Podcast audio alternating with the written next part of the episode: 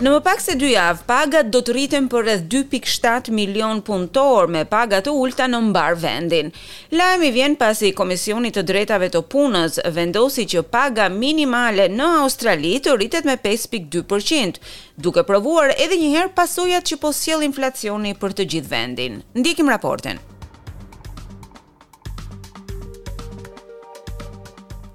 Kemi të bëjmë me punëtorët që shpëtuan Australinë nga pandemia, ata që mbushnin raftet me ushqime, ata që pastronin hotelet, ata që u kujdesën për të moshuarit dhe të sëmurët.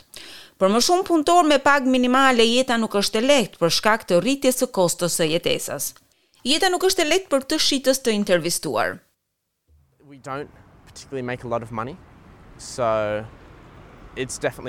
Ne nuk fitojmë shumë para, kështu që kjo rritje më jep sigurinë që më duhet. Tani e di që do ta kem disi më të lehtë. Do të jem në gjendje të përballoj gjërat e nevojshme. Lufta për të përballuar gjërat e nevojshme në jetë është bërë shqetësimi i ditës dhe natyrisht ishte një nga shqetësimet e presidentit të Komisionit të Drejtave të Punës, Ian Ross, i cili bëri dhe njoftimin e tij për shtypin. We are conscious that the low paid are particularly vulnerable in the context of rising inflation. We have concluded that the changes in the economic context. Jemi të vetëdijshëm se personat me paga të ulta janë ata që cenohen më shumë për shkak të rritjes së inflacionit. Dhe kemi arritur në përfundimin se ndryshimet në kontekstin ekonomik peshojnë në favor të rritjes së pagës minimale në nivel kombëtar. Kjo rritje tani është në pesë pikë dy përqind, ose një dollar më shumë në orë. Kjo do të thotë se paga e re minimale do të jetë njëzet e një dollarë e tridhjetë e tetë centë në orë, ose tetëqind e dymbëdhjetë dollarë në javë, një rritje javore prej dyzet dollarësh. Rritja prek më shumë se njëqind e tetëdhjetë mijë punëtorë me paga të ulta. Për të tjerë me paga më të larta, rritja e pagës do të shkojë në katër pikë gjashtë për qind. Vendimi i Komisionit të të Drejtave të Punës u mirëprit nga kryeministri, i cili e kishte bërë këtë rritje objektiv dhe pjesë kyçe të fushatës së tij. The truth is that many of those people who are on the minimum wage are the heroes who saw us through the pandemic. E vërteta është se shumë punëtorë që janë në pagën minimale janë heronjtë të cilët e shpëtuan Australinë nga pandemia. Këta punëtorë meritojnë më shumë se falënderime, ata meritojnë rritje pagash dhe sot e morën këtë. Miliona punëtorë me paga të ulta janë të varur nga çmimet që janë gjithnjë në rritje, rritja më e lartë që në vitin dy mijë e gjashtë. Këshilli Australian i Sindikatave ka kërkuar një rritje prej pesë pikë pesë për qind, megjithatë është i kënaqur me kompromisin. Ja si shprehet sekretarja e sindikatave, Sally McManus.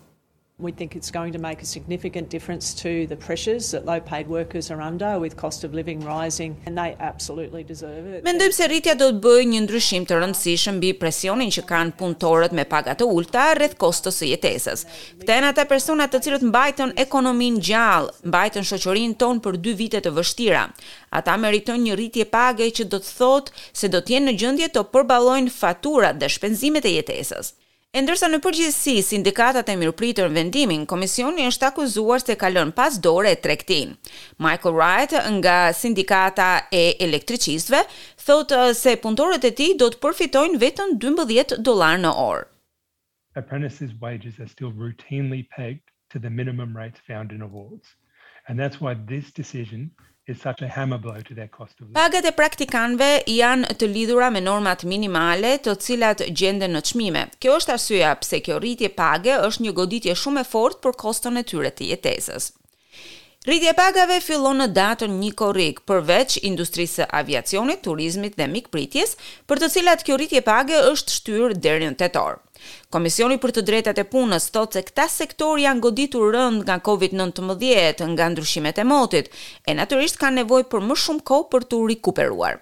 Megjithatë, grupet e biznesit thonë se kjo rritje e pagave mund të sjellë dëme të konsiderueshme në të gjithë sektorët e tjerë të ekonomisë. Dhoma e Tregtisë dhe Industrisë në Australi, e cila ka lobuar për një rritje prej tre për qind, paralajmëron se vendimi do të sjellë kosto prej shtatë pikë nëntë miliardë dollarësh në të gjithë ekonominë australiane. Drejtori i kësaj dhome, Andrew McKellar, thotë se kjo ka ndërlikuar edhe rritjen e kostos së energjisë, ndërprerjen e zinxhirit të furnizimit si dhe çmimet e benzinës. In some cases they are going to have to look at passing on those costs to consumers, that adds into inflationary pressures. Në disa raste, bizneseve do t'i duhet që t'ia kalojnë rritjen e çmimit klientit. Kjo natyrisht shton presionin e inflacionit dhe natyrisht mund të sjellë edhe rënien e disa bizneseve të cilat kanë kaluar një periudhë të vështirë gjatë pandemisë. Kreu i opozitës, Peter Dutton, është skeptik për rritjen dhe pasojat që mund të sjellë ky vendim. Ai e ka kritikuar qeverinë. And the Labor Party has never been a friend of small business.